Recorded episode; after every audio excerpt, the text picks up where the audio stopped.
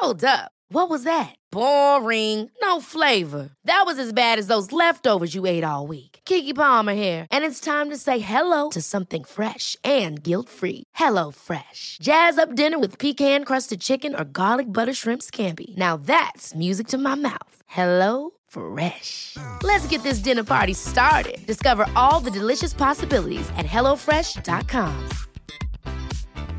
When you're ready to pop the question, the last thing you want to do is second guess the ring.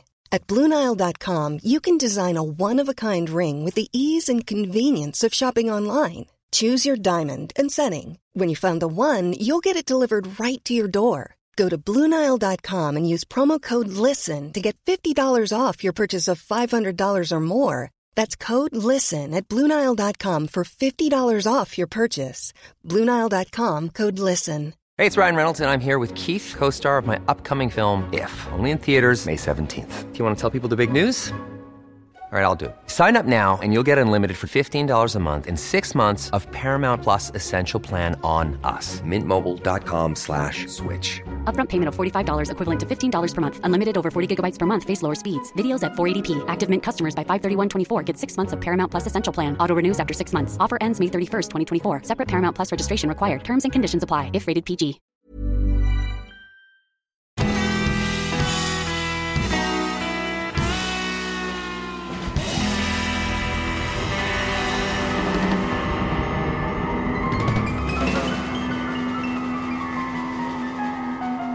Hej allihopa och välkomna tillbaka till ett nytt avsnitt av vår podcast Ståpäls. Och det är alltid jag Ida och Lukas.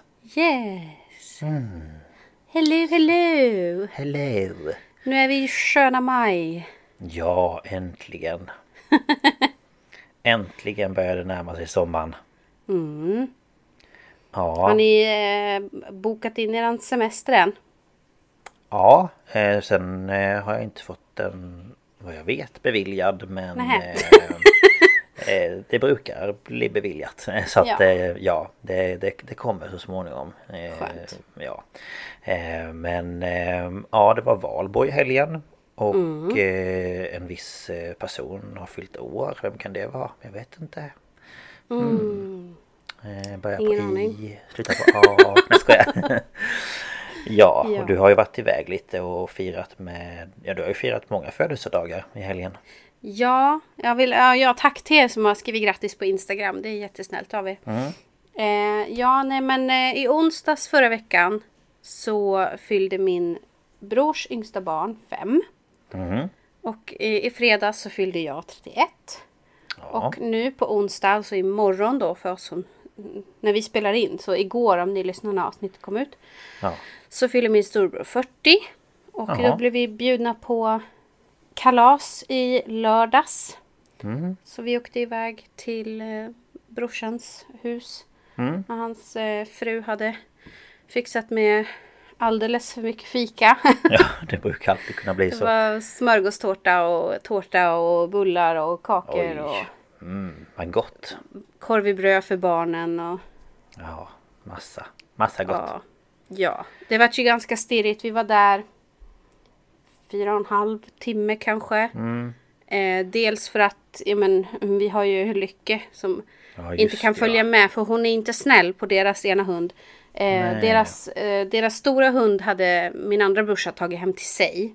Mhm, okej. Eh, för hon blir lite stressad och i och med att Ja, blir hon lite stressad så vet man inte om hon kan säga ifrån och hon är ganska stor. Hon har kralliga käkar om man säger så. Så även Ja. om hon bara säger ifrån så kan det bli Ja, såklart. Så. Och det vill man ju inte att det ska hända något. Nej, alltså jag tror ju hon är ju snäll och så. Men det Ja. Mm. var skönast för henne. Så de hade bara sin Cavalier King Charles hemma. Oh, aha. Men Lycke är inte snäll på henne. Så Nähä.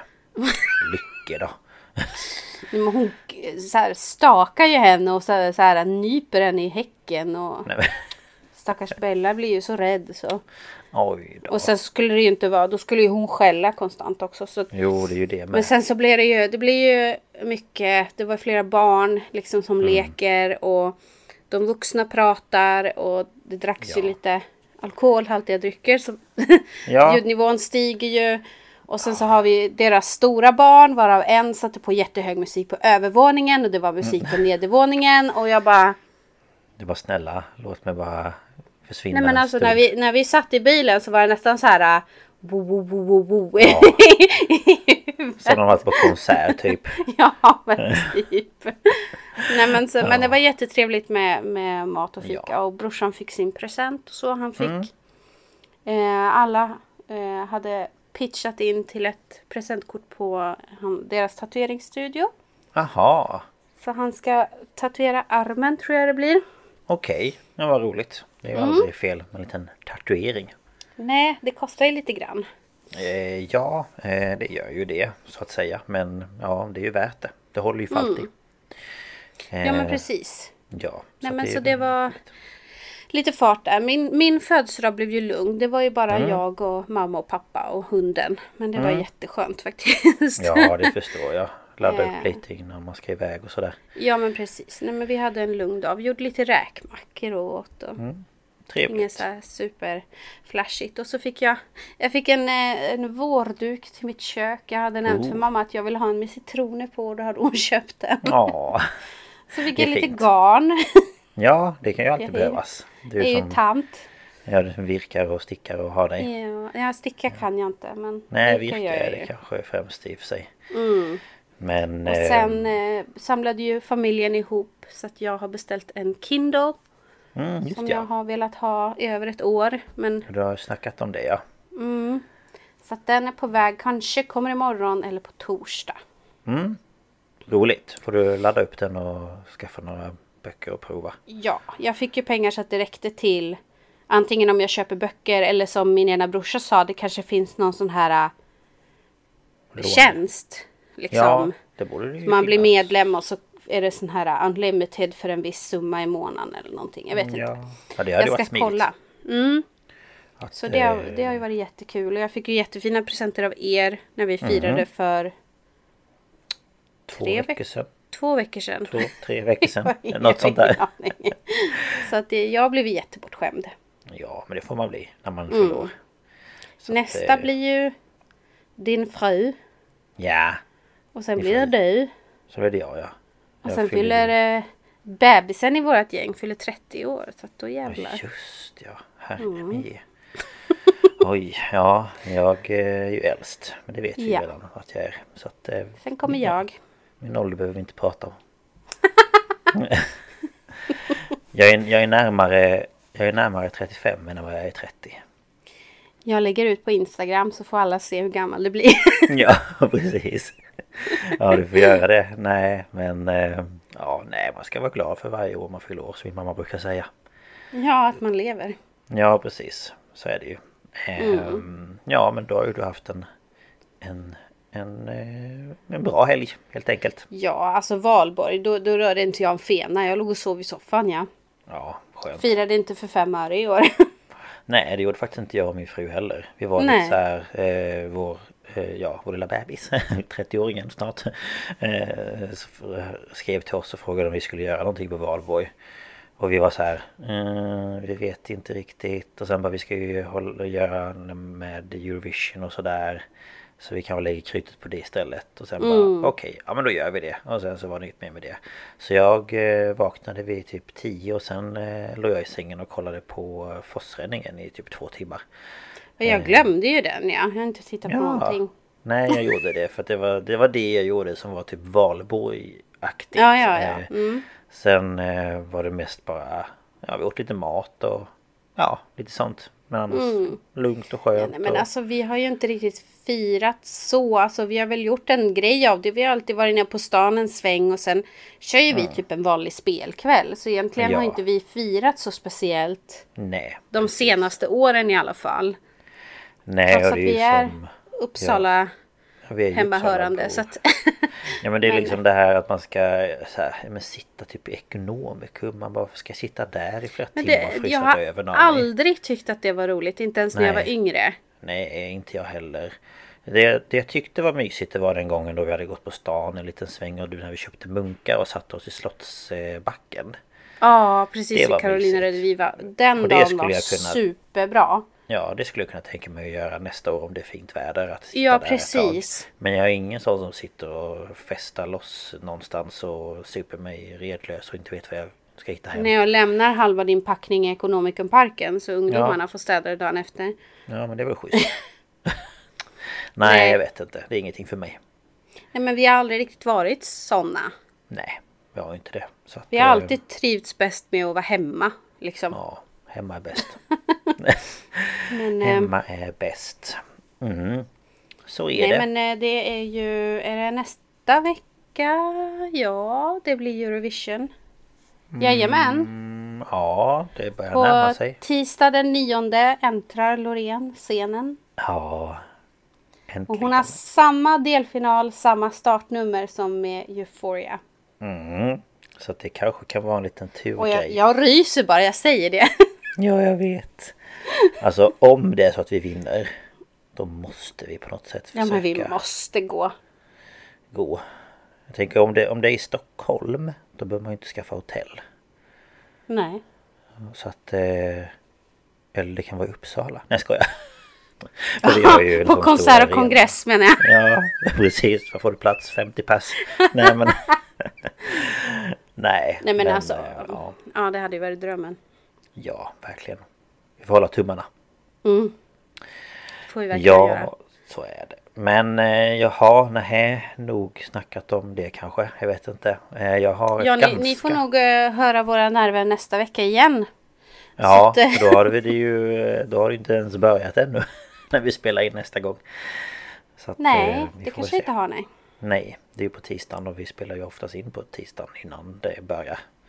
Ja precis, om inte annat så spelar vi in på onsdagen och då vet vi ju om vi har gått vidare. Så att, eh, Det får jag väl ändå hoppas att vi gör. Gör vi inte det då är det ju någonting som är fel. då, då är det uppgjort.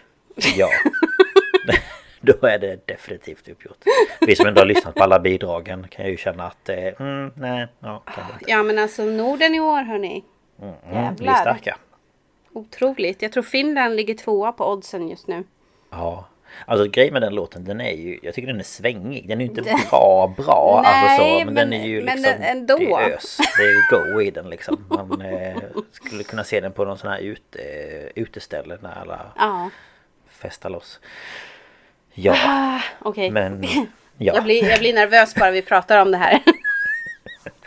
Det är som fotbolls i eh, jag, jag jämför det med OS. OS ja. Ja, lite så.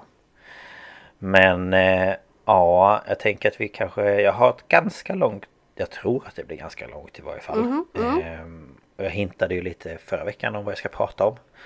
Och det blir lite krigshistoria. Mm. Eh, och jag kan bara säga innan vi, innan vi börjar, eh, innan eh, vår lilla eh, jingel att det kommer vara en hel del namn och en hel del information så att det är ganska, ganska mastigt ändå. så, att, eh, eh, så att ni vet. Spännande. Ja, jag hoppas det. Ja. Mm. Men eh, ska vi hoppa in i det? ja, det tycker jag. Yes. Mm. Ja, eh, jag ska ju då som ni har sett eh, prata om Operation Barbarossa. Eh, och eh, jag tänker att jag kör mina källor, det är några stycken. Eh, Jag har lyssnat på en podcast som är Vetenskapsradion Historia om Operation Barbarossa, världskrigets slaktbänk. Jösses, vilket namn. Ja, jag bara ja. Eh, och sen har jag kollat på, jag har varit inne på SVT Play och kollat på Världens historia om Operation Barbarossa. Det var två avsnitt eh, som var väldigt bra så att jag har tagit mycket fakta därifrån. Eh, sen har jag varit inne på populärhistoria.se en, en ehm, artikel därifrån. Och sen har jag kollat på en dokumentär från en sida som heter dailymotion.com och då var det The World at War Episod 5 Barbarossa. Sen har jag varit inne på Youtube och eh, sidan eh, eller kanalen Timeline eh, och kollat på Oh, Den brukar jag kolla på. Ja, jag kollade på en dokumentär därifrån. Och sen en annan kanal som heter War Stories. Och det var också om Operation Barbarossa. Det var två olika videos om det. Och sen sista på Youtube var en kanal som heter War of the World. Eh, ja, det var de källorna. Mm.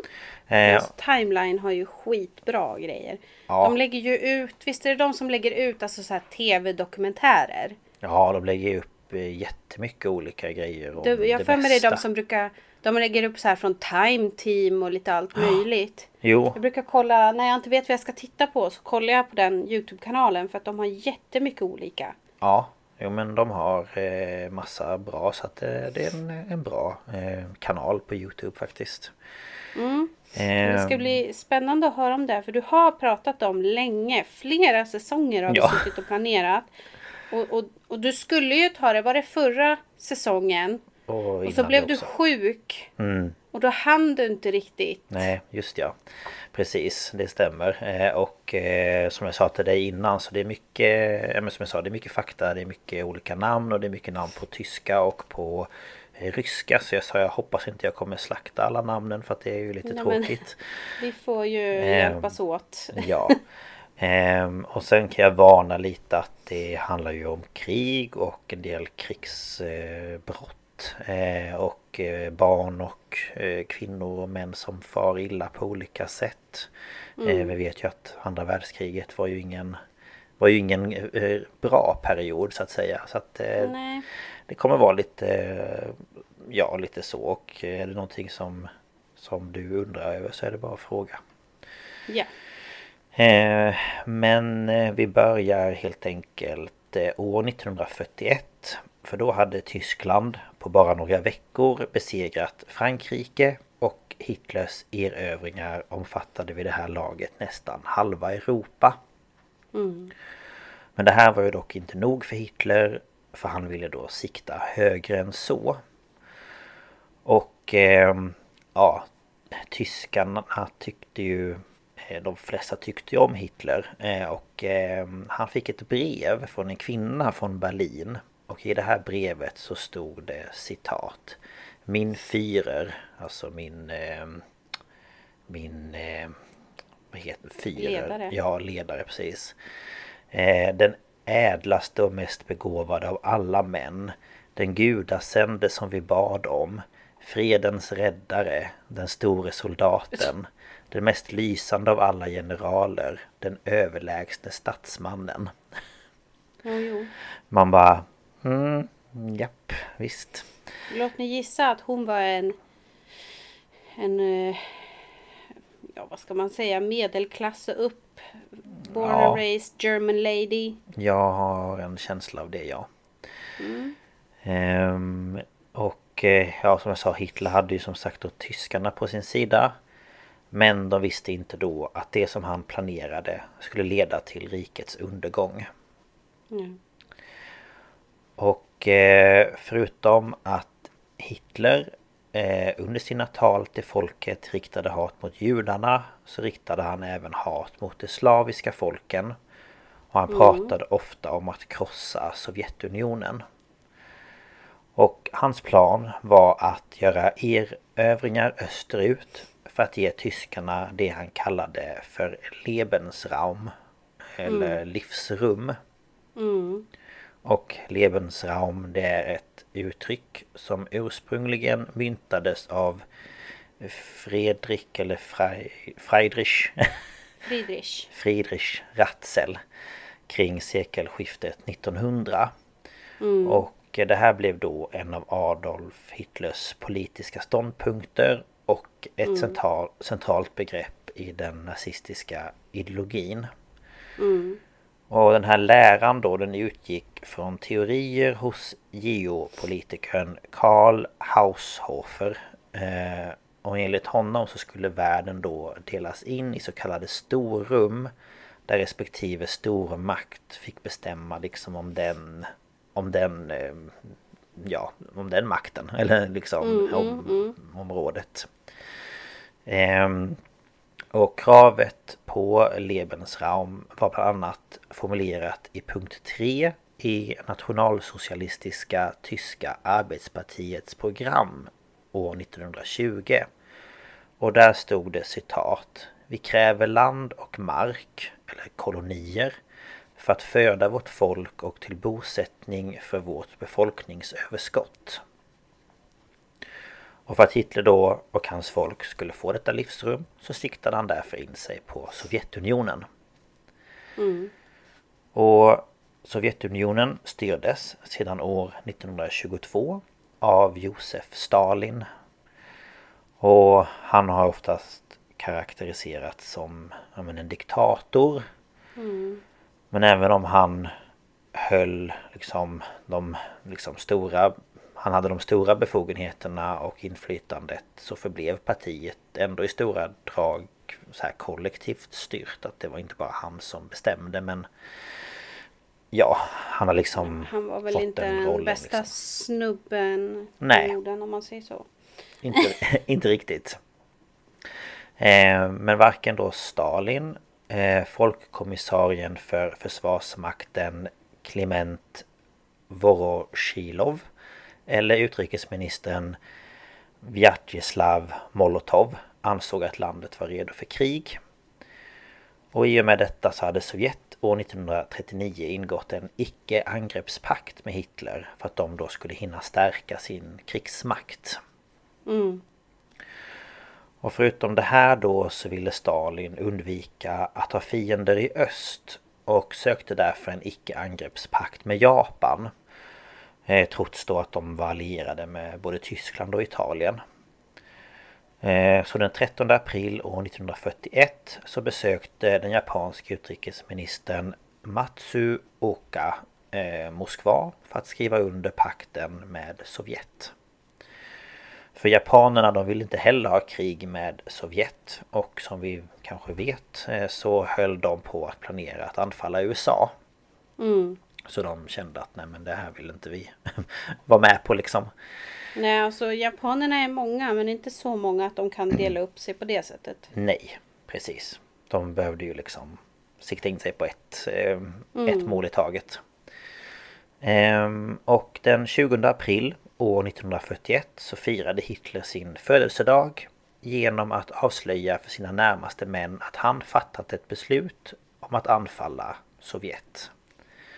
Mm. Och det var många då som visade uppskattning och gratulerade Hitlers beslut. Och det som däremot visade minsta tecken på tvivel på Tysklands förmåga att besegra Sovjet blev snabbt avfärdade. Mm. Och de som då var mest skeptiska till beslutet var människor inom militären. Och däribland överbefälhavaren von Brauchit Fritz eh, och storamiralen eh, Reider. Mm.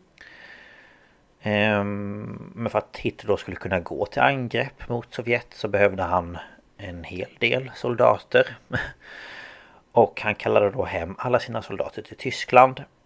Och sammanlagt så var det 3 miljoner tyska soldater och 700 000 soldater från länder som var allierade med Tyskland och då var det främst Rumänien, Ungern, Slovakien och Kroatien. Mm. Och samtidigt så fortsatte 200 000 finländare sitt krig mot Sovjet och 60 000 italienare var på väg samt 45 000 spanjorer. Så mm. alla de här skulle då gå in i krig mot Sovjet. Och den 2 juni 1941 så begav sig Hitler till sitt hus i de Bayerska Alperna, eh, Villa Berghof. Och där skulle han då träffa sin hemliga älskarinna Eva Braun. Mm. Och under deras möte så gav hon uttryck för att hon var besviken över att han inte ville ha barn. Varpå han då ska ha svarat att citat Barn till genier ofta får en svår tillvaro. Man bara... Ja, jag vet inte det va. Men vilket var geniet han syftade på kan man undra. Ja, jag tror det var han själv. Men ja. Mm. Och eh, under sin vistelse vid då Villa Berghof skrev Hitler till Italiens ledare Mussolini att han fattat det viktigaste beslutet i sitt liv. Och han berättade att han inte längre ville ha en pakt med, sina värsta, med sin värsta fiende Stalin. Och han skrev bland annat eh, citat Efter mycket tankemöda har jag beslutat att skära av snaran innan den dras åt kring min hals. Mm. Alltså att då Stalin skulle göra någonting mot honom. Mm. Ehm, men Hitler beslutade att anfallet österut skulle inledas den 22 juni och gav det kodnamnet Operation Barbarossa. Och det var då efter en tysk-romersk kejsare. Och han föreslog då för krigsmaktens överkommando att invasionsstyrkorna då skulle dela upp sig. Och det här var väldigt ovanligt. Man brukade inte göra så. Nej. Eh, och en del då skulle gå mot Leningrad. En mot Moskva. En skulle gå mot Kiev. Och den sista skulle gå till eh, Baku eh, i Azerbajdzjan. Mm. Eh, fast det var ju Sovjetunionen då. Eh, ja men precis. Ja, som då hade väldigt mycket olja. Mm. Eh, och beslutet att då skicka en grupp till Baku var för att Hitler var ju i stort behov av bränsle till den här delen då av armén som var motoriserad. Alltså alla mm. pansarvagnar och flygplan och allt möjligt.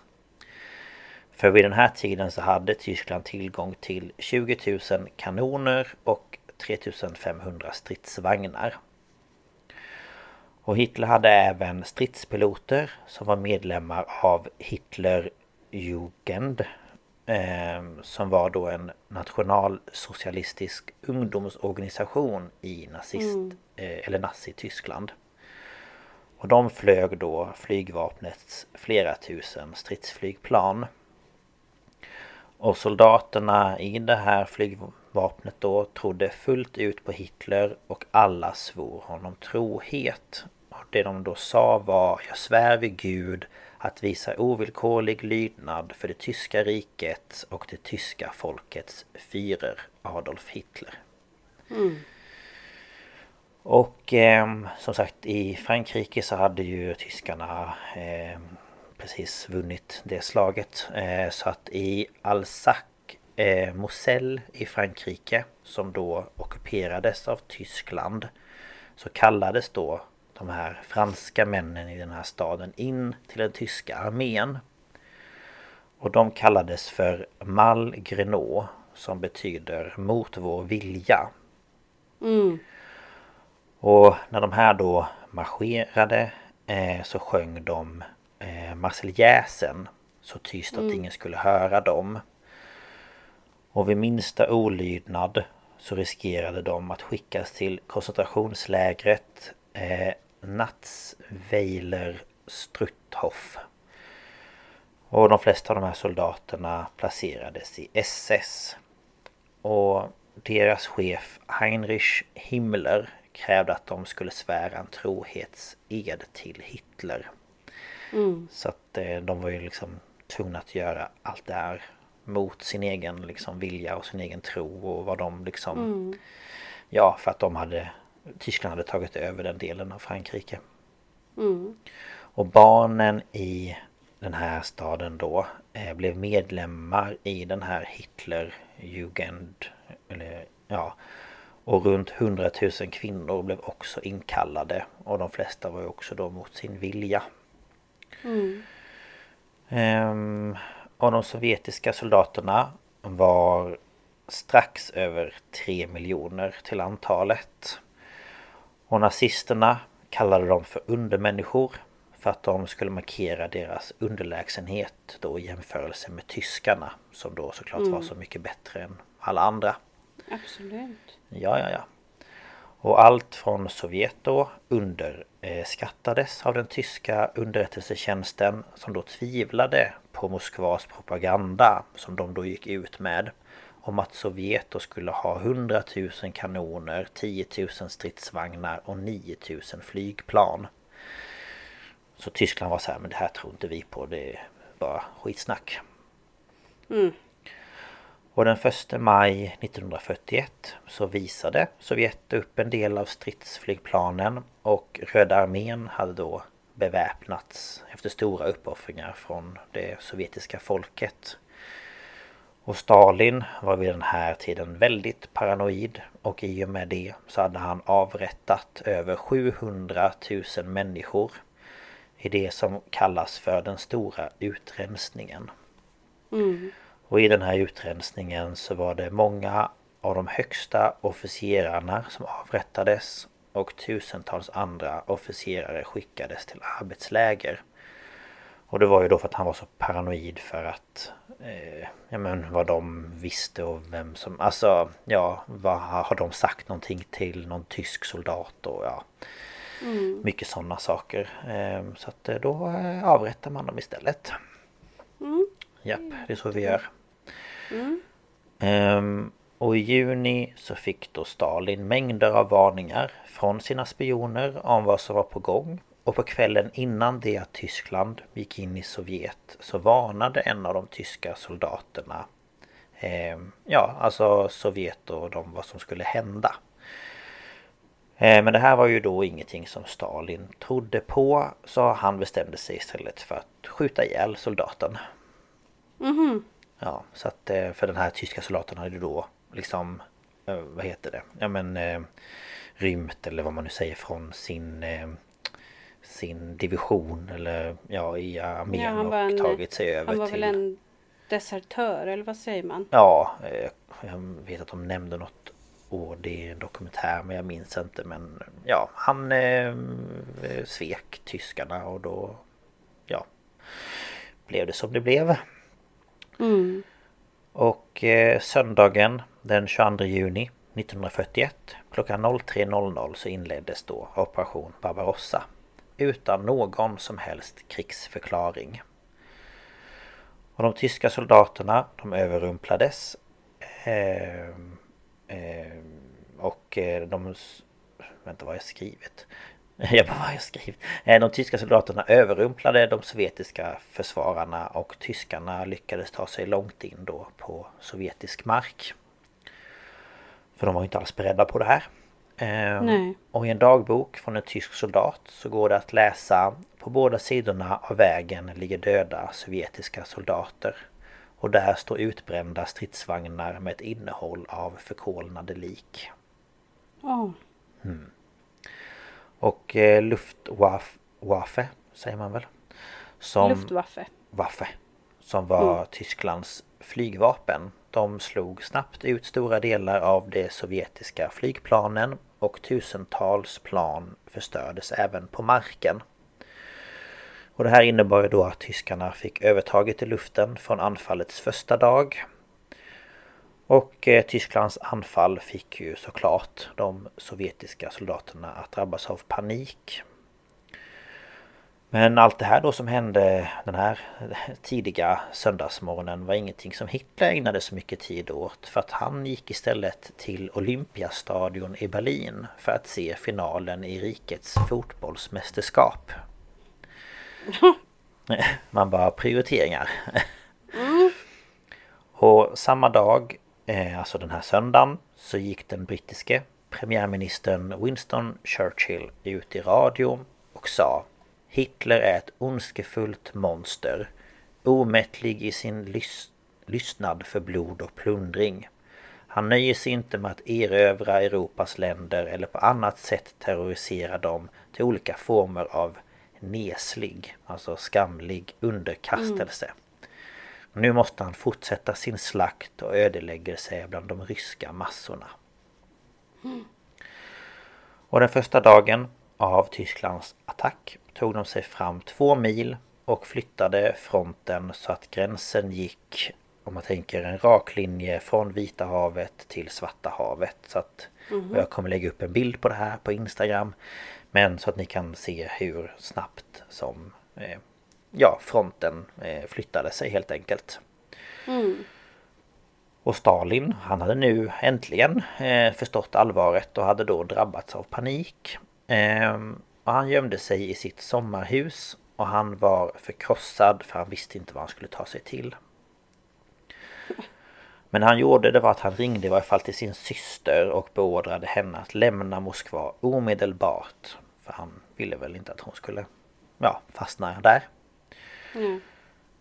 Och i och med då att tyskarna, ja, deras framfart så plundrades och förstördes statyer av Stalin, av balter och ukrainare som då välkomnade tyskarna som befriare från Stalins förtryck. Ja men precis. Ja, och människor gav då de här soldaterna blommor och de applåderade när de marscherade fram på gatorna och sådär. För att Stalin hade ju förtryckt deras länder. Och, ja. Mm. och den 24 juni så tog Hitler sitt privata tåg. Där han bland annat hade sovrum, badrum, kök och en kommunikationscentral. Ehm, Viktiga grejer. Verkligen. Om man känner att ett privat tåg, det hade ju varit nice.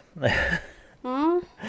Ehm, hans uppgift då den här dagen det var att då försöka rättfärdiga sin attack mot Sovjet och gick ut till folket och sa att de inte hade några förpliktelser till Sovjet utan att deras enda plikt var att förtyska landet genom inflyttning av tyska och betraktade infödda som rödskinn.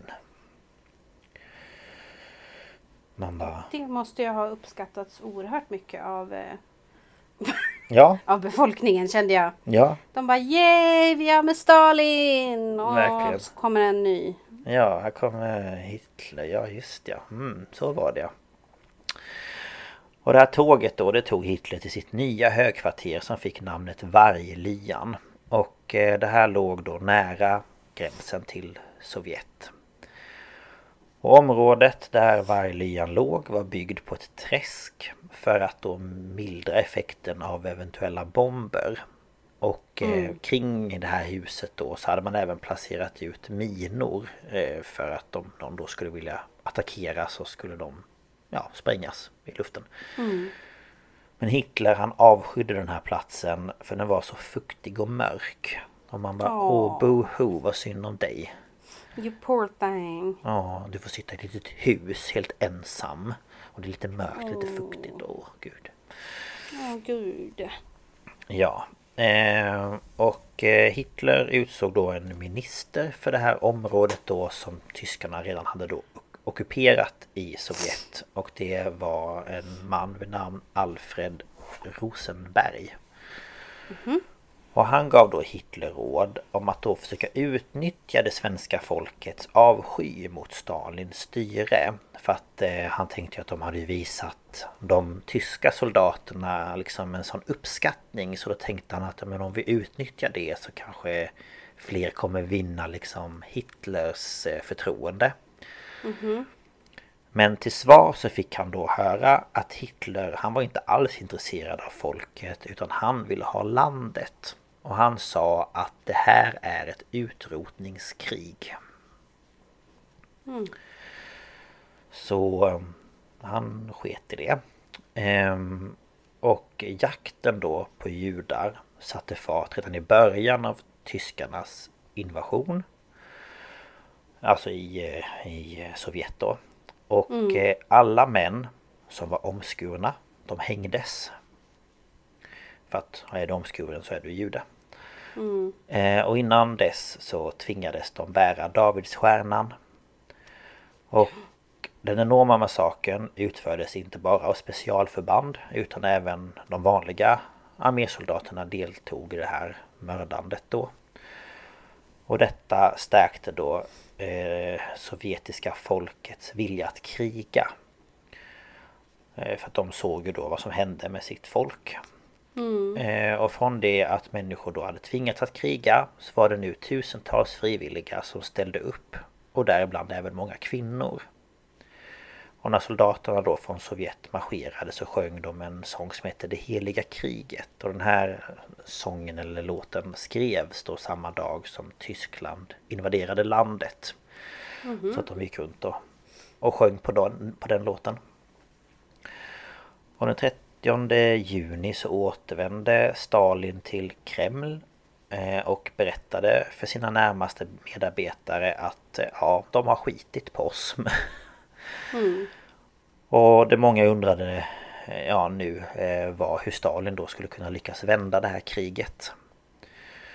Och trots att Stalin låg under i kriget så fortsatte han ändå att avrätta soldater och polisen började med militära rättegångar. Där man kom fram till att alla som retirerat, alltså dragit sig tillbaka eh, från att ha stridit för Sovjet då, skulle avrättas. Oavsett vad deras förklaring var. Att de kunde vara skadade eller deras fru var gravid eller ja, vad som helst. Mm. Det var ingenting som godtogs utan det var avrättning på en gång. Mm. Och Stalin fattade även beslut om att avrätta eh, flera officerare. Eh, och eh, avrättningarna gick till på så vis att de som då skulle avrättas de sköts helt enkelt ihjäl. Mm.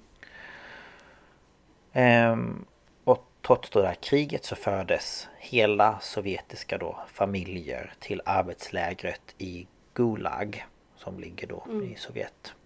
Så det är lite så här motsägelsefullt att kan jag tycka att tyskarna invad invaderar Sovjet och Stalin då tar sitt eget folk och avrättar dem.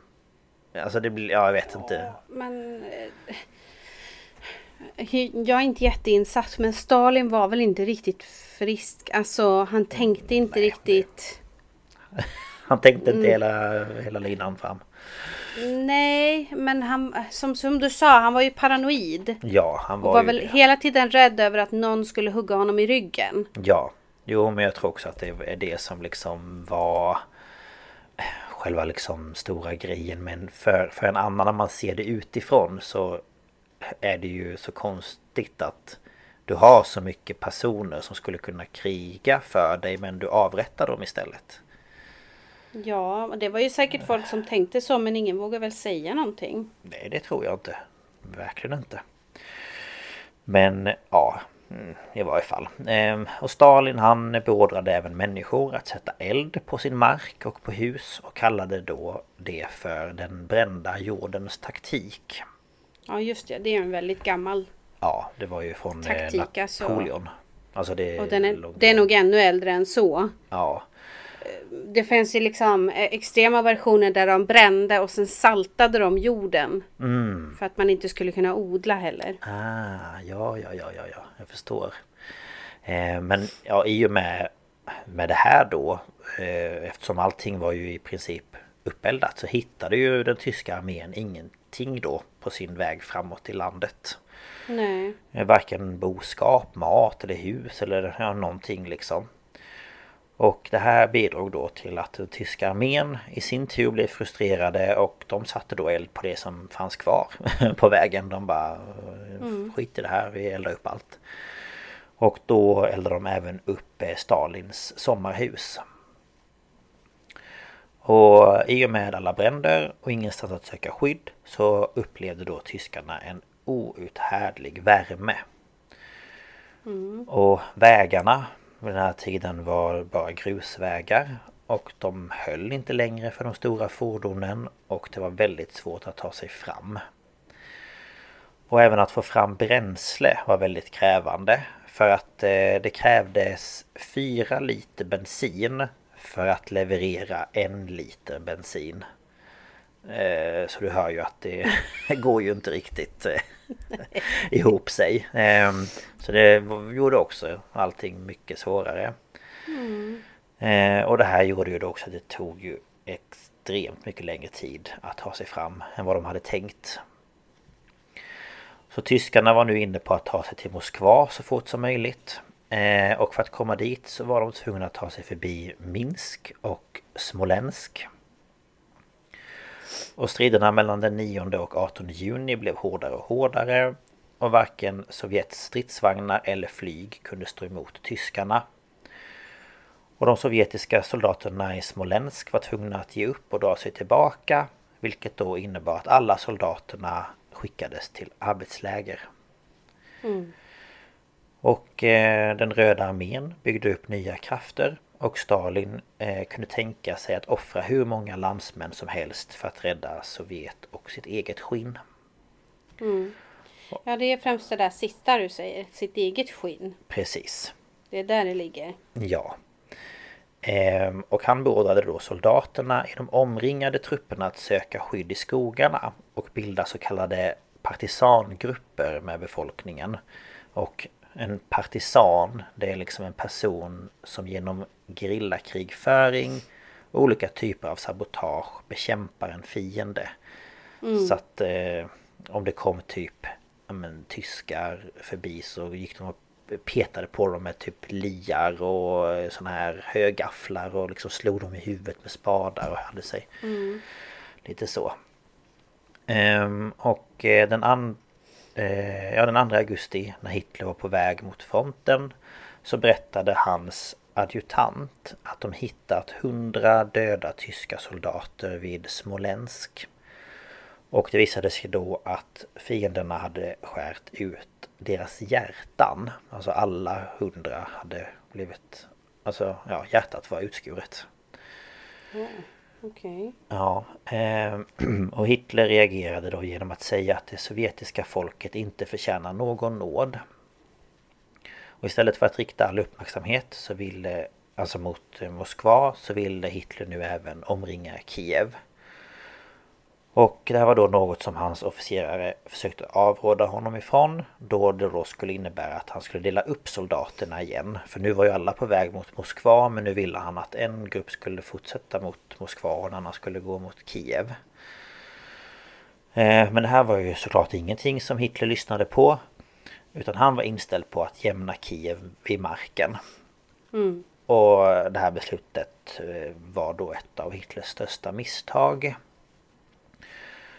Och de tyska soldaterna de hade knappt inget dricksvatten och många drack då från bäckar och sjöar. Och det här gjorde ju då alla soldaterna sjuka. Mm. Eh, och även Hitler blev eh, väldigt sjuk och fick eh, kraftig diarré. Rätt åt han. Ja. Förutom det här så hade han sömnsvårigheter, migrän och högt blodtryck. Ja, tro fan det som den karn skrek så fort han öppnade käften. Ja, men jag känner det också. Alltså man ser ju nästan hur blodkärlen vill sprängas när man ser något klipp på den karn. Jag vet. Och... Jag brukar jämföra honom med en chihuahua. Ja, faktiskt. Det är lite så. Det är bara... Ja, men, alltså, jag har aldrig hört ett klipp med Hitler där han pratar. Eh, nej, förutom när han ska skärma alla kvinnorna. Då... Nej, det har jag nog inte sett något klipp på. Nej, jag såg det i den här dokumentären när han ska då skärma de här franska kvinnorna som har blivit tvingade att kriga emot, eller för honom. Och då går han fram och tar dem i handen och åh, gull, gull, gull. Ja. Nej, för alla klipp jag har hört, då står han där och skriker som en jävla chihuahua. Mm, jo, det var ju typ så han höll på. Det, ja, så jag tacka fan för att han hade högt blodtryck. Ja, precis. Men hans läkare trodde att det var psykosomatiskt. Och att mm -hmm. pressen på honom kanske blivit för stor. Han oj bara, då. Oj, mm, jobbigt. Tråkigt. Oj då. Nämen. Ja, det är inte lätt. Everyone knows therapy is great for solving problems, but getting therapy has its own problems too, like finding the right therapist, fitting into their schedule, and of course, the cost. Well, BetterHelp can solve those problems. It's totally online and built around your schedule. It's surprisingly affordable too. Connect with a credentialed therapist by phone, video, or online chat, all from the comfort of your home. Visit betterhelp.com to learn more and save 10% on your first month. That's BetterHelp, H E L P. Ever catch yourself eating the same flavorless dinner three days in a row? Dreaming of something better? Well, HelloFresh is your guilt free dream come true, baby. It's me, Gigi Palmer. Let's wake up those taste buds with hot, juicy pecan crusted chicken or garlic butter shrimp scampi. Mm. Hello Fresh. Stop dreaming of all the delicious possibilities and dig in at HelloFresh.com. Let's get this dinner party started.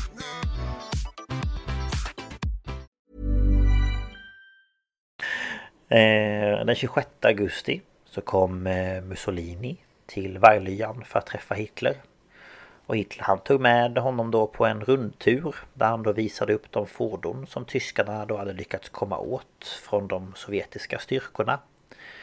Men det här gjorde eh, inte Mussolini så lugn utan han blev väldigt orolig då han inte visste att Sovjet hade så stora kanoner. Mm -hmm. Så han var lite så här, hmm, det här känns ju inte jättebra. Ehm, och eh, förutom det här då så satte Hitler nu in pansarstyrkor i Libyen. För han planerade då att eh, de tyska styrkorna skulle angripa Kaukasien. Alltså Baku och där. Ehm, eh, från både norr och söder. Så att de skulle liksom mm. klämma åt i mitten. Så Hitler utsåg Heinz Guderian som ansvarig för pansarstyrkorna och berättade... Det namnet känner jag igen. Ja, eh, ja det kommer mer fakta om honom sen men ja, ja man okay. känner igen honom. Mm. Ja, jag kände igen det som fan. Ja. Eh, och eh, han berättade då för, alltså Hitler berättade då för Heinz att han hade då lyckats tillfånga ta eh, fyra sovjetiska arméer i Kiev. Eh, och eh, Guderian fick nu uppdraget att hantera de här då fångarna. Eh, och det var ju flera hundratusentals sovjetiska fångar som han nu skulle på något sätt hantera. Mm. Och de här fångarna de var ju såklart utsvultna och de hade endast levt på två hekto bröd om dagen. Vilket ja, det är inte mycket. Inte jättemycket. Så Guderian bestämde sig därför för att ge dem eh, de tyska soldaternas soppa. Och det här gick ju inte eh, Hitler med på. Nej. Så de här fångarna de utsattes för fruktansvärda krigsbrott som då genomfördes av de tyska soldaterna. Där bland annat fångarna avrättades genom hängning. För att, ja, för att Hitler då hade tagit över de här trupperna utanför Kiev. Så ledde mm. det till detta. Och Guderian inledde också den sista attacken runt Kiev vilket försenade tyskarnas erövring av Moskva med en hel månad. Och den 19 september 1941 så gick Guderian in i Kiev och Hitler hade nu tagit ännu en seger nästan 100 mil in i Sovjetunionen. Alltså då i Kiev. Och den 29 september så fördes 33 000 judar till ravinen Babiar i utkanten av Kiev. Mm. Och flera tusen kläddes av nakna och kläderna tänkte då tyskarna sälja. Och efter det så dödades de. Även små barn avrättades. Och eh, de som skulle avrättas i nästa omgång var tvungna att se på. Mm. Och tiotusentals människor dödades på bara några dagar i områdena kring Kiev. Och mellan sommaren 1941 och våren 1943 så mördade de tyska insatsgrupperna cirka 1,5 miljoner judar. Mm. Men då så kom den nazistiska ledningen fram till att det gick för långsamt och att det gick åt för mycket ammunition. För att de här sköts ju då ihjäl. På grund av det så övergick man på många ställen till att skicka människor till de här förintelselägren med gaskammare och krematorier. Mm. Och i slutändan så skulle tyskarna ha mördat 6 miljoner judar. Hitler ska även ha sagt Människorna där borta är helt främmande för oss. Jag är helt oberörd av tanken på att radera ut Kiev, Moskva och Sankt Petersburg. Och Sankt Petersburg hade bytt namn till Leningrad efter Vladimir Lenin. Och eh, Stalin beordrade befolkningen i staden att försvara staden helt enkelt. Så dygnet runt så grävde de milslånga stridsvagnshinder runt staden. Eh, för att då inga skulle kunna komma in i staden såklart. Mm. Tyskarna däremot tog då folket från Sovjet som mänskliga sköldar och fortsatte sin väg in i Leningrad. Och eh, Stalin sa åt sina soldater att de inte skulle vara känsliga utan att de var tvungna att skjuta fienden och deras medhjälpare. Och man bara ja fast de är väl inte medhjälpare om de är eh, tagna som sköldar. Men ja skitsamma. Ehm, och soldaterna skulle inte visa någon som helst nåd. Eh, Och trots att den röda armén gav sitt allt så lyckades de inte stoppa tyskarna som snart nådde staden. Eh, och den kalla vintern som väntade skulle resultera i en miljon dödsoffer. Alltså både då tyskar och sovjet, sovjeter, sovjetiska, vad säger man, sovjeter? Ja, Ja. det tror jag. Ja. Eh, och tre kan jag månader... sparka till en påse här nere. Jaha, ja ja ja, lite prassel och sådär. I'm sorry. Ingen fara. Ehm, och tre månader efter tyskarnas invasion var de västra delarna av Sovjet ockuperat. Och trots då att de tyska soldaterna var nedbrutna så valde Hitler att fortsätta. Och den 3 oktober 1941 så sa han i ett tal att fienden aldrig kommer resa sig igen. Och dagen innan så hade Hitler inlett Operation Tyfon och anfallet mot Moskva. Och hans plan var då att omringa Moskva och placera ut gigantiska pumpar för att översvämma staden. För han menade då på att Moskva skulle bli en enda stor sjö. Ja, och Hitler var då inställd på att det här skulle bli det avgörande slaget då för honom att Absolut. ta över hela Sovjet. Och nu var ju som sagt då Leningrad omringat, Moskva var hotat och staden Charkiv var ockuperat av tyska styrkor. Och striden i Charkiv hade dock varit svår för tyskarna som hade blivit försenade till Stalingrad och då vidare till Baku. Och den röda armén hade redan förlorat 3 miljoner soldater vid det här laget. Ehm, och samtidigt tog sig Hitler till Villa Berghof där Eva Braun och en massa gäster befann sig. Och alla tänkte att Hitler alltid hade lyckats i kriget och att hans framgångar då skulle komma att fortsätta.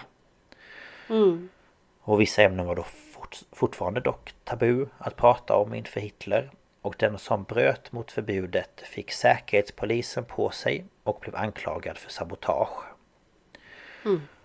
Och det är endast under sina permissioner som då de tyska soldaterna vågade berätta för sina nära och kära om de krigsbrott som de var tvingade att utföra.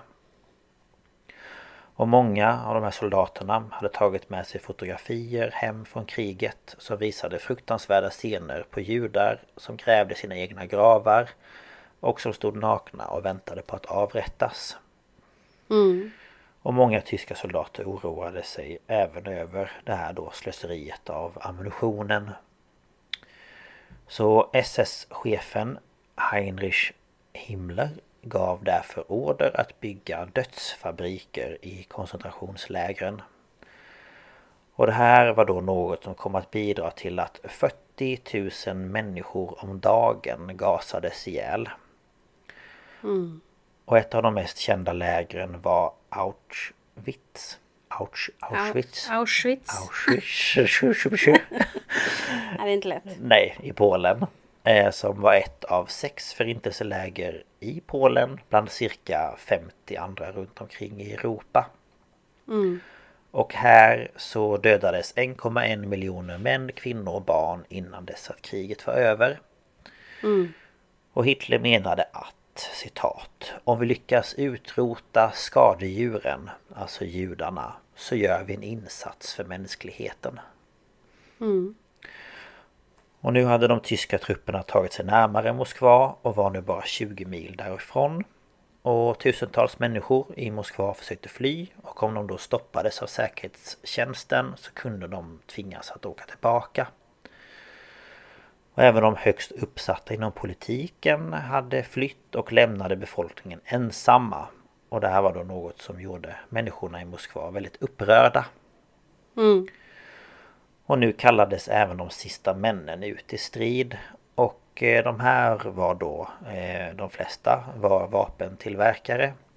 Som hade fått order om att förstöra maskinerna då, alltså i de här fabrikerna. För att de inte skulle hamna i nazisternas händer och sen bege sig ut i strid. Och eh, det visade sig även att eh, den röda armén hade blivit besegrad i Charkiv vid det här laget. Så att de hade inga, eh, inga styrkor kvar där. Ehm, och Hitler var nu tillbaka i Varglyan och beordrade den tyska armén att börja bomba Moskva. Från då, för alltså flyg, flygplan, flygbombningar. Eh, och bombningarna skedde flera nätter i rad och orsakade stor förödelse. Och människorna som då var kvar i staden de sökte skydd i tunnelbanestationerna. Men den 6 november så kom dock polisen till Maj Majakovska stationen och förde ut alla där som sov. För istället så skulle Stalin anlända dit med tunnelbanetåg för att hålla ett tal. Man bara... Hmm. Ni kör ut typ flera hundratals människor för att du ska hålla ett tal. Ja, det är bra. Yep. Ehm, och i talet så berättar han att efter fyra månaders krig hade motståndet ännu inte minskat utan tvärtom så hade det ökat. Och efter att talet som var typ i en halvtimme var slut så sjöng alla Internationalen och det är typ som en nationalsång fast i Sovjet. Jag förstod inte riktigt men ja, det är som en nationalsång. Mm. Och tyskarnas front var nu väldigt nära Moskva och det som hindrade dem var vädret som nu hade gått från snö till plusgrader och regn. Och det här innebar ju då att alla vägar förvandlades till gyttja. Mm. Och det här var ju då något som gjorde att det nästintill blev omöjligt för tyskarna att ta sig framåt. Och nu började de nazistiska ledarna att bli oroliga. Och de hade den 8 november samlats i München för att diskutera att efter fem månaders krig så hade 200 000 tyska soldater dödats och 500 000 var sårade. Och Hitler anlände också dit för att lugna sina anhängare. Och trots att det var många som viskade om att anfallet eh, mot Sovjet då behövde avbrytas så valde Hitler inte att lyssna på det utan han ville kämpa på. Mm.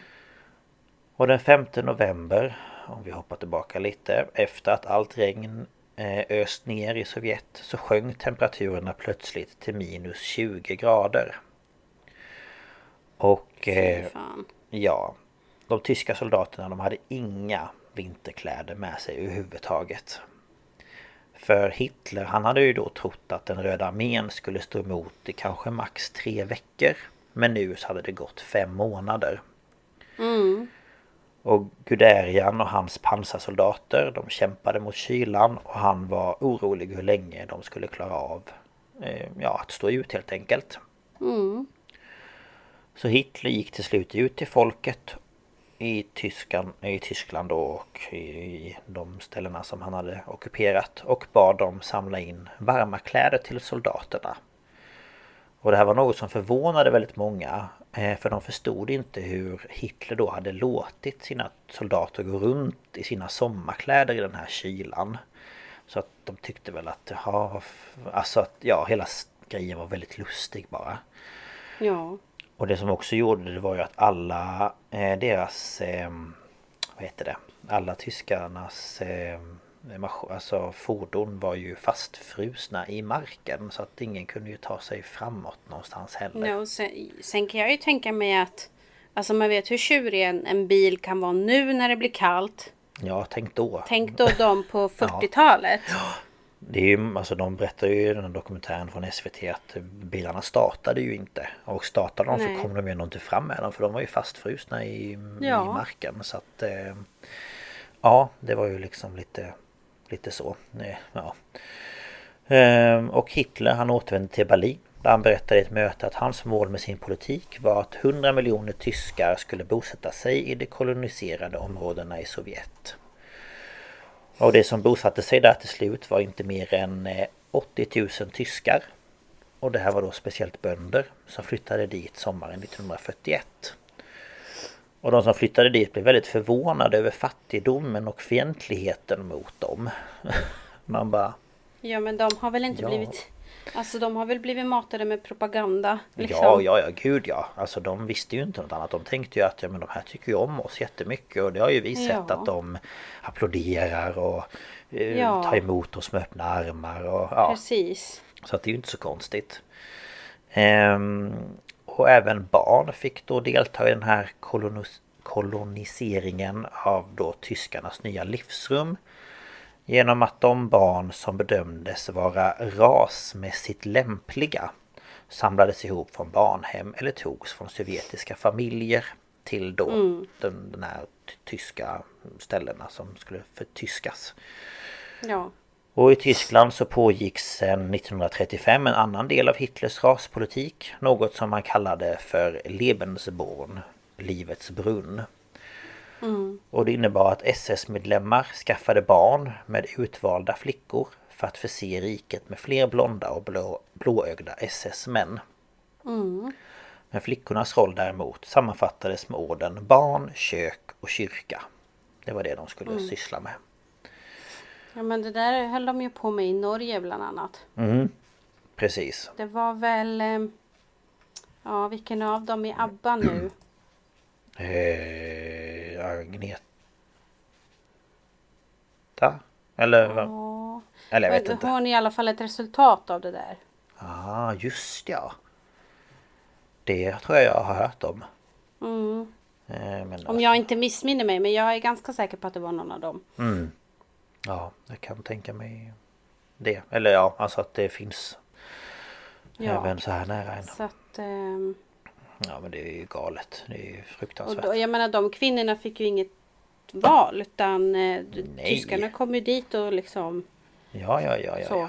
Det var liksom Gör det annars så får du väl dra till något läger eller så avrättar vi dig. Ja, precis. Det var det.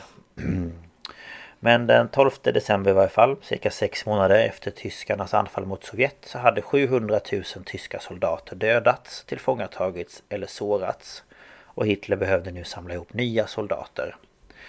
Så han behövde ju därför förlita sig på utländska frivilliga soldater. Så han tog därför emot besök av ledaren från de nederländska nazisterna som hade rekryt- rekryterat, gud vad det var svårt att säga, 40 000 män. Hitler träffade även en antisemitisk katolsk präst som hade blivit president i Slovakien.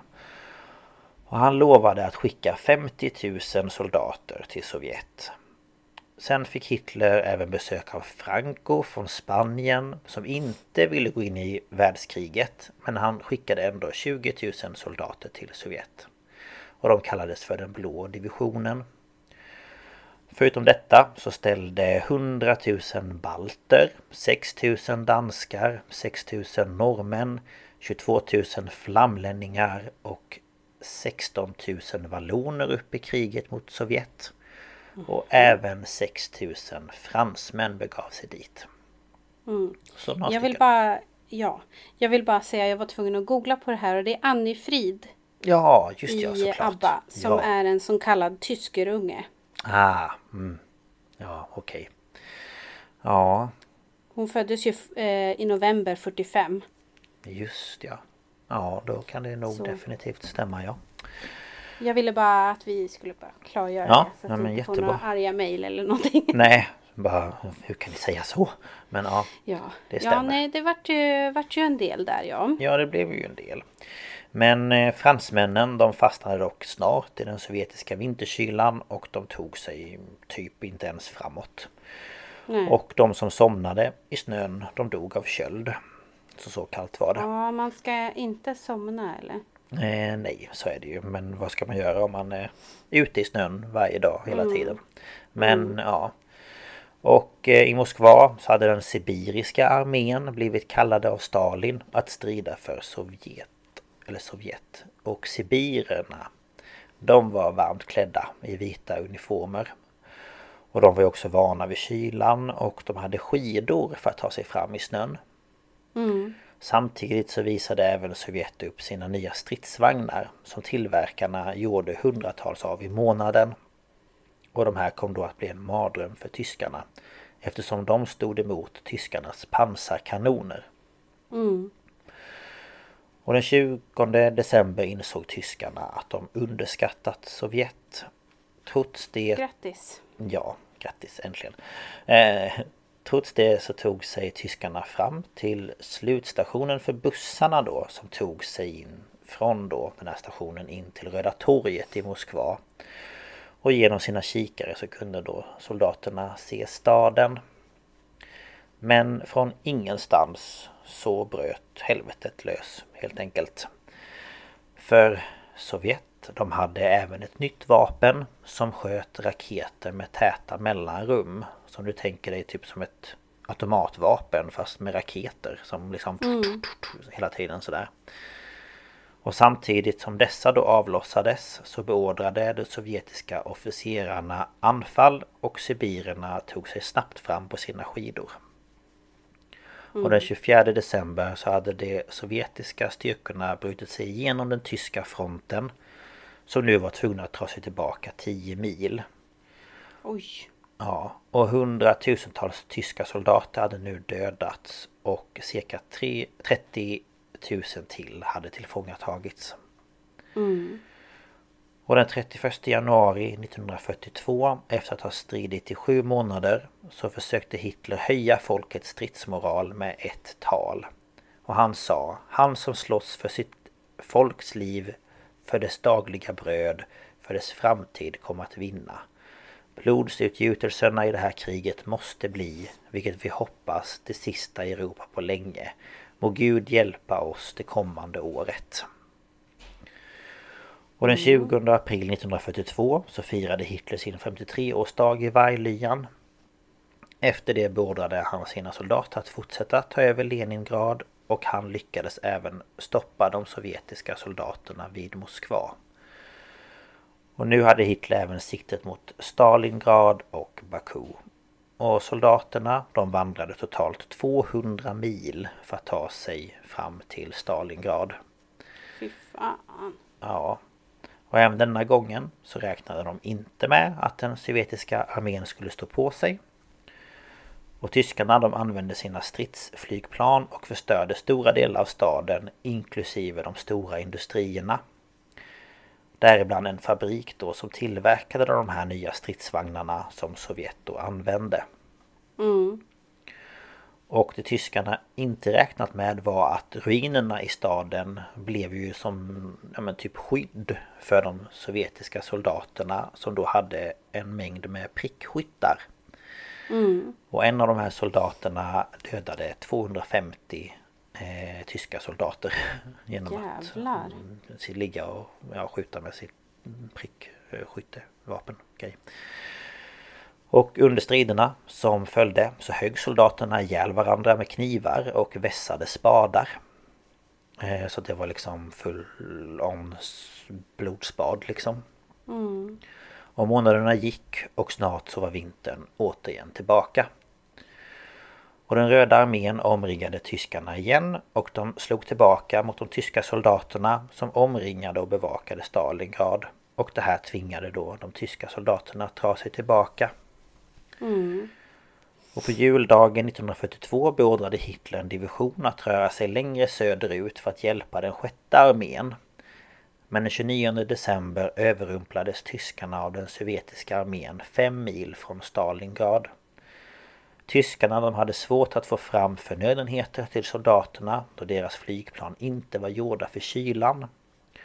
Och de plan som lyckades ta sig fram hade bara bröd så att det räckte till, som jag sa innan, två hekto per person om dagen. Mm. Och i januari 1943 så gav en tysk general order om att tyskarna skulle slakta och äta sina egna hästar. Usch. Ja, jag hatar när hästar far illa. Jag vet inte vad det är med hästar men det är någonting jag... Så här, om jag ser en häst som när vi såg uh, The Last of Us när hästen blir Mm. skjuten. Jag bara nej, nej, nej, nej, nej, nej. Eh, Jag tycker det är så jobbigt. Mm. Ehm, och någon vecka senare så hade tyskarna fått slut på allt. Alltså de hade ingen ammunition, ingen mat, ingenting. Alltså nada. Nej. Och den sjätte armén valde då att kapitulera. Eh, och det här var ju då den sista armén som då skulle försöka ta sig in i eh, Stalingrad. Och Hitler som då bar hela ansvaret skyllde på då de som lydde hans order. Och Hitler sa de gamla befälhavarna kastade sig själva mot sina svärd när de såg när det såg hopplöst ut. Jag förbannar mig själv för att jag tog risken att utkämpa det här kriget med så svaga generaler. Jaha, Man ja, bara, ja. men ut i kriget själv då om du är så jävla tuff och se vad du klarar Mm. av. Du kommer väl dö på 0,2 sekunder. ja men typ. Ja, nej men alltså man bara åh, Sitter du där i din jävla varglya och ger massa order, det går bra. Och den röda armén tillfångatog 24 tyska generaler tillsammans med 2400 officerare och hundratusentals soldater från den sjätte armén. Och Stalingrad har kommit att bli ett av de blodigaste slagen i historien. Och Sovjetunionen förlorade över en miljon soldater i slaget och tyskarna omkring 800 000. Och runt omkring i Europa så nådde nyheten om Hitlers nederlag och det spred sig ett hopp och en glädje i befolkningen. För det visade sig att tyskarna var tydligen inte helt oövervinneliga. Nej. Nej. Så eh, ja, tji fick de. Så att säga. Ja, jo. Det kan man ju säga. Ja, så ehm, ja, det gick inte så bra som han hade tänkt sig. Nej men du gjorde väl ingenting, höll jag på att säga. Nej, nej men lite så. Eh, han klarade ju mycket, men det här var ju en grej och sen var det ju slaget mot Storbritannien var det väl också som han inte klarade av. Eh, det där kan du mycket mer om än vad jag kan. Ja, men jag tror att det var de Men att han eh, hade ju tänkt att det här skulle ju gå vägen För de hade ju kommit så långt. Men alltså de här si- sibiriska eh, soldaterna Om ni kollar på den här SVT eh, Play dokumentären Alltså det var fart i dem Jäklar alltså På med Ja, men det är skidorna ju och bara... som- Ja men det är ju nästan samma som när man ser dokumentärer om finska vinterkriget. Ja, Hur finnarna är. ja, ja, ja, det är typ samma Alltså Ja, det är typ samma. likadant. Det är bara, ja, de hade så här vita dräkter så de smälte ju Ja, in precis. i... ehm, Och de var snabba som fan på sina skidor. Ja, gud ja. Och de använde ju inte sikten på sina såna här snipergevär heller. För Nej. att det kunde ju blänka i solen. Ja, just ja. Och det kunde ju synas. Ja. Ja, nej men... ehm, Ja, nej han eh, underskattade dem. Det gick bra till en början men sen... ehm, Det blev så långdraget li- liksom för att han tänkte ju, ja men som jag sa, typ tre veckor och sen skulle de vara inne i typ Moskva och Stalingrad och Leningrad och allt vad det heter. Ja. Det blev ju inte så och eh, då fortsatte han bara och fortsatte Nej. och fortsatte och fortsatte och sen hade han ju inga Men- som kunde kriga för honom. Nej men alltså, det var ju mycket det att man underskattade ju fienderna väldigt mycket. Och jag menar, Mhm. eh, om det är någonting som Ryssland nu då, nu finns ju inte Sovjet, men om det är någonting de gör Mhm. så är det ju inte underskatta hur starka de är militärt. Ja gud ja, vad fan de vet man vad som älskar ju de älskar ju att paradera och de bara Ja, titta ja, vad vi ja. har. Och sen så blir man lite så här, jaha men om det är det de visar. Vad har Vad de, har de där bakom? Ja. Men det jag Så tycker är så alltså roligt. det var ju, det var ju otroligt slarvigt och, och Ja. Och det jag tycker också är lite alltså, intressant är ju när man kollar på kartan. Alltså från förr då när det var Sovjetunionen och så var det ju då Europa, eller vad säger jag, Europa? Tyskland, eh, Italien, Frankrike, bla bla bla och alla de här eh, makterna som man hade tagit ockuperat och sådär. Alltså Mm. Sovjet är ju typ dubbelt så stort. Alltså det är ja, men alltså det var ju gigantiskt. massivt. Det, ju Det går inte att fatta. och- Det är så många länder som ingick. Ja, och då tänker Hitler där i sitt lilla sinne att de här, de ska jag ta över. Ja. Man bara, ja, jag vet inte riktigt hur, men Men han hade ju lite storhetsvansinne. Alltså, ja, visst hade han det. Verkligen. Men det är ändå lite intressant hur man kan tänka för att det Ja, man vet ju inte. Jag menar, Ryssland är ju så stort eh, även idag när det ändå inte har alla som de hade förr. Eh, Nej. så man vet ju inte vad de gömmer där i någon jävla mm, fabrik någonstans i nej, och skog. det är ju det som är lite läskigt just nu. Jo, vi är ju tillbaka lite där att de vill ju ta tillbaka vissa av sina länder som de har förlorat. och det Mm, precis. är ju inte jätteroligt.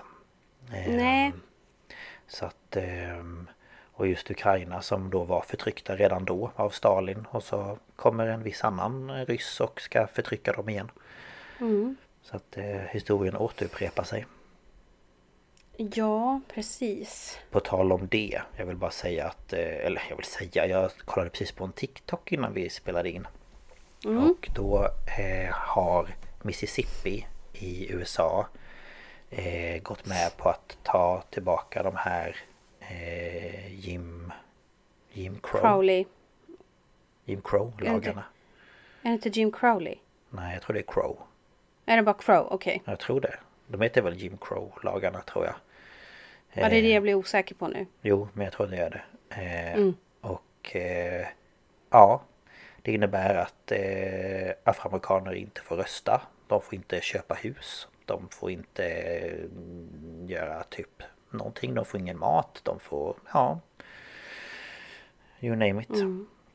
Så att det där håller ju också historien på att typ eh, repas. Och Ja, men eh, alltså de kommer ju...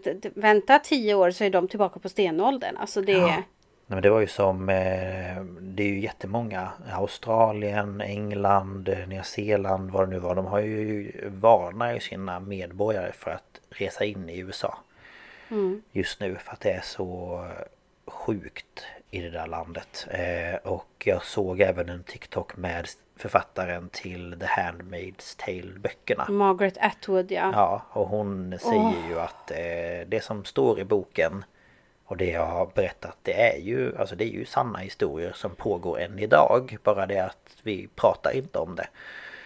Ja men alltså hon måste ju titta på USA och bara guys. Det Ja. var bara en, en bok. Ja men precis. Nej men, hon, Det är liksom ingenting vi behöver efterleva. nej, men det hon menar är ju att de här sakerna som står i boken det är saker som har hänt. Hon har bara bytt plats och alltså hon har bara bytt, bytt ställe på det. Så att det är ju saker som hon har eh, sett. Som hon har skrivit i de här böckerna. Så att det är ju inte hittepå utan det är ju riktiga grejer.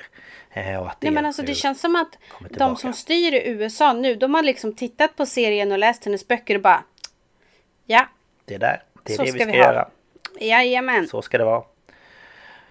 Nej jag vet, jag blir, åh, jag blir så matt. Jag fattar inte. Man bara, men snälla älskade vänner, vi hade ju kommit så långt i de här frågorna. Men det var ju som jag skickade till dig precis eh, innan här då apropå nazister och grejer. Ja. Att eh, det var en eh, någon slags sån här eh, dragshow liknande på någon eh, uteservering där de samlade in pengar till liksom hbtqias rättigheter och sådär. Och eh, vilka valsar dit i sina röda tröjor. och... röda tröjor och svarta byxor helmaskerade. Står där och heilar och med någon skylt där det står The will be blood. Man bara men alltså väx upp. Ja, och jag gillar att de... Ni vågar ju inte ens visa era ansikten. Nej. Det är en av dem som vågar visa sitt ansikte. Ehm, och jag kommer inte ihåg vad han hette men det såg jag också en TikTok om nämligen. Eh, de pratade om honom för att han hade blivit typ... Jag om han var dömd för någonting. Ja det är han ju säkert. Att eh, han visade sitt ansikte av den anledningen. Jag kommer inte ihåg men det var någonting. Så att han är den enda som visar sitt ansikte. Man kan inte ens våga visa vilka ni är och vad ni står för. Så ja okej. Men det är samma sak som vi pratade om dig om det här med den här eh, pojken här i Sverige med majblommorna. Den här jävla SD-kärringen som kläcker ur sig hucklekärringar och allt vad hon pratar om. Man bara, Nej men jag blev inte- hackad. Ja, om, man, bara, men om, inte- du hade gett det här, eh, eller skrivit den här kommentaren, då hade inte folk uppmärksammat det. Om inte folk hade uppmärksammat det, då hade inte folk köpt majblommor av honom. Då hade inte Nej. han fått så här mycket uppmärksamhet. Så det är ju ni som ger de här kommentarerna, som ger de här, den här uppmärksamheten, som gör att de får kärlek. När ni bara vill ge dem hat. Man bara, men fattar ni inte det någon gång? Hon, hon var ju helt tappad. Ja men alltså snälla. Hon skriver upprepade gånger n-ordet på Twitter och så bara åh jag blev hackad. Mm. Och så i telefonsamtal med Joakim Lamotte så säger hon n-ordet. Ja. Man bara, han bara Ja alltså inte för att vara sån men eh, så som du uttrycker dig så låter det ju som att det är du som har skrivit det här. Hon bara Jaha. det, får det, stå, det får stå för dig. Ja det får du bestämma för. Ja, bla, bla, bla, bla. Man bara går och dig i någon jävla skånsk hy hy hydda. Ja.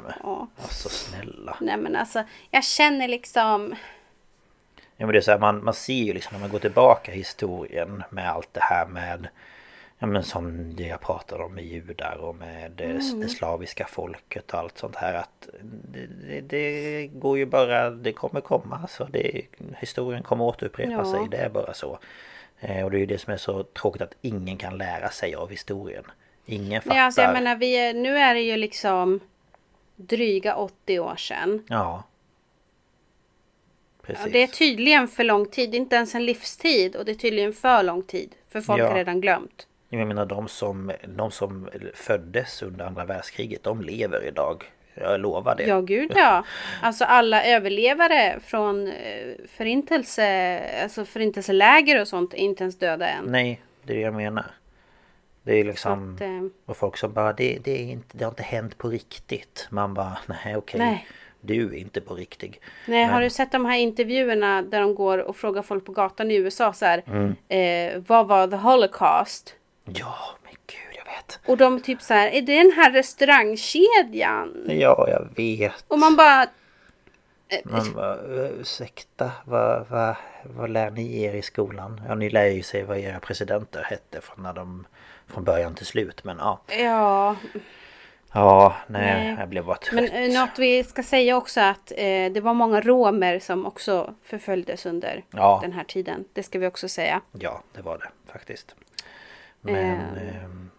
ja, nej men man undrar ju. Det känns som att HBTQIA-rättigheter är ju gone i USA. Eh, svartas rättigheter kommer snart vara borta. Och kvinnors rättigheter. Kvinnors rättigheter. Bara man tänker på det här med abort och eh, om de får missfall och hela allt det där. Det är borta. Mm. Jag tänker bara på alla barns rättigheter. Jaha. Att kunna gå till skolan. Utan att vara rädd för att någon ska skjuta ihjäl dig. Nej men precis. Det som jag såg en, en mamma la upp en TikTok där hon sa Här är min vardag. Varje morgon så tar jag ett foto av min son. Mm. Inte för att jag tycker han är ogullegull utan för att jag ska veta exakt vad han har på sig. Ja, för att jag ska kunna hitta det honom något. om det händer något. Hon har köpt en sån där platta till hans ryggsäck. En mm. sån här skyddplatta. Ja. ja. Och hon har sagt till honom vad lärarna än säger.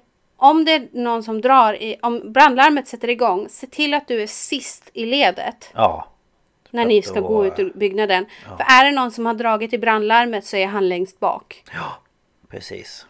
Och, det, och, så, alltså, det, och, hon, och hon sa fler grejer och man bara, men alltså. Det är ju så sjukt.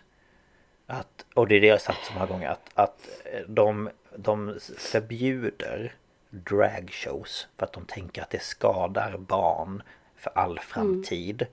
Men de kan inte ändra vapenlagarna som faktiskt dödar barn varje mm. dag i USA. mm. Alltså det är ju varje dag det kommer någon nyhet om att någon har skjutit någon. Bara igår den här mannen i Texas. Familjen gick och bad grannen att inte skjuta med sin Ja just det, för, för bebisen skulle sova. Ja, och då och han tar han sitt alla... vapen och går in i deras hem och dödar alla förutom typ två barn och pappan eller vad det var. Man ja, bara, men... bebisen hade de ju hittat under två döda. Ja, man bara men snälla alltså. Ja. Jag blir så Oh. Och de har ju varit så himla så här, åh antiryss, anti, och de skulle kriga mot japaner och tyskar mm. och åh, ryssarna är sämst. Man bara, men titta på er själv. Ja, hur bra är ni? och vi är inte perfekta här i Sverige heller. Det är saker som håller på att gå åt helvete här också. Ja, ja, ja. Men det är ju inte eh, riktigt men... Eh, där ännu. Och jag hoppas Nej. inte vi hamnar där heller. Det tror jag inte att vi Utan gör. Att någon sätter stopp för den då huset. Men, Men det känns liksom som att hur ofta vi än pratar om alltså olika delar av både första och andra världskriget men speciellt andra. Mm. Spelar ingen roll hur ofta man tar upp det och folk är så här never forget, vi ska aldrig glömma och Nej. så gör vi det ändå. Ja, såklart att vi gör det. Det är ju liksom folk, människor verkar ju vara som, vad fan vet jag, guldfiskar. Ja. Nej jag vet inte. Nu, ja, nu rantar jag men det, jag blir så frustrerad Ja ja men det, det, blir så. Det man, blir så. Man blir så här man bara men... Eh, och när man vet att barn far illa. Alltså som att barn avrättades under andra världskriget. Barn, ja. de är oskyldiga. De har, kan inte hjälpa att de är födda i en viss etnicitet eller ett visst ursprung. Men ändå så ska de avrättas för att någon har tänkt att den här rasen, de är inte mycket värda för världen. De ska utrotas. Alltså det är så Ja, här, och så liksom vi människor det är inte olika raser. Vi är samma ras. Vi har bara olika färg på Ja, oss. precis. Alltså det, det är Ja. liksom DNA är samma. Ja, ja men precis. Det är inte så att det Och, det, och det jag tycker är så skrämmande som vi ser nu med, med Ryssland är att det är en, en gubbe som ska hålla på och bestämma så mycket över så nation. mycket människor. Och det är inte bara sin egen nation. Det är ju Ja, det är, det är samma alla. med USA. Där har vi en gubbe. Mm. Och med betoning på gubbe. För de är ju Det är gubbar. Oh, de är ju på gränsen till senilitet liksom. De har liksom börjat begräva sina egna gravar redan. Att, Ja men lite så. Alltså ja, verkligen. att det ska vara liksom en person som ska styra över så mycket. Ja men och också det här med typ hotet om NATO. Ja men om ni gör detta då får inte ni gå med i NATO. Om ni gör detta får inte ni göra det. Skickar ni vapen till Ukraina då får vi se vad som händer. Massa tomma hot hela tiden. Man bara, ja men skit på det gubbjävel. Ja, Alltså, och, och inte för att vara sån, men det är ju gubbar också. ja, alltså, det är inga kvinnor precis. Nej för kvinnor, Nej, inte- inte- de får inte ha den makten. Åh herregud. Åh gud. Usch. nej men alltså det är ju... Ja. Nej men... eh, Åh, jag blir så trött på allt det här. Ja, man blir ju det. Det är ju så. Så att eh, ja, vi får se vad som händer i den här världen men Mm. så är det. Eh, Och nu fick ni lite rant ifrån båda oss här. Ja. Men sånt här liksom, det, det, frustrerar mig något så fruktansvärt. ja, men det gör ju det. För man vet ju vad man, man vet ju vad som har hänt i historien men ändå så är det ingen som kan ta till sig det och göra saker bättre. Det spelar väl ingen roll om du är trans, bi, gay, eh, asexuell, demisexuell, eh, fan vet jag, eh, inte sex, om du är svart eller vit eller... Alla är vi ju på den här jorden, alla är vi lika mycket värda, alla... Jag vet inte. Ja, Ja, och jag känner vi har kommit tillräckligt långt i dagens samhälle där man inte kan vara så här. Hörru du, den där halvön du har där, den är min nu. Ja. Nej, vet du vad, det funkar inte så Nej, längre. inte riktigt. Alltså, jag ska ha den där biten där längst ner du vet i hörnet, det är mitt. Så att... Eh, nej men alltså det är det. Oh. Nej men alltså jag alltså. kan, jag kan ranta hur länge som helst. Jo, det kan jag ska också. vi inte... Nej, vi ska inte tråka ut det med det. Nej. Men eh, Ehm. ja, Men eh, tack så jättemycket för detta. Ja, det är så lite så jag har försökt att få ihop det på något sätt men det var mycket information. Ja, men det Ehm, blir ju det men när det gäller sådana här ämnen. Mycket Ja. datum och Jo men det är ju så. Men eh, ändå viktigt att belysa sådana här ja, händelser. absolut. Absolut. Eh, men eh, och tack för ni som har lyssnat eh, på detta. Det uppskattas som vanligt. Eh, nästa vecka är det din tur igen och eh, jag vet inte om du vill berätta men det blir ju en form av historisk händelse då också. Ja, det blir lite historia men inte krigshistoria eller så utan Nej. Något det annat. blir något lite mera, ja men Lite glatt. minnesvärt. Nej jag skojar. Ja, det kan jag ju inte lova. Nej. Men minnesvärt kommer ja, det bli. Ja, det låter bra tycker jag. Mm. Men om man har några tankar kring det här avsnittet eller något annat avsnitt, vad gör man då? Då kan man antingen mejla oss på staphalspodcast.gmail.com eller så går man in på Instagram och söker på staphalspodcast. Mm. Eh, och där kan man ju skicka ett meddelande eller kommentera på ett inlägg. Ja. Så ser ju vi det båda två. Båda två. Eh, och eh, ja men vi gör vårt bästa med att försöka svara och eh, Ja. Jag ska lägga ut lite Sådär. bilder idag tänkte jag på mitt förra avsnitt som jag gjorde som jag har glömt att lägga ut bilder som vanligt. jag har dem på också glömt att lägga ut. Så att eh, Det kommer. Eh, ni, ni får lite klumpmässigt här kanske de kommande dagarna. Det får bli så. Det tror jag Ja. inte är någon fara. Men eh, ja, tack för att ni har lyssnat som sagt och ha det så bra allihopa. Mm. ja, ha det så bra. Ta hand om er så Ja. hörs vi nästa vecka. Det gör vi. Hej då! Hej då!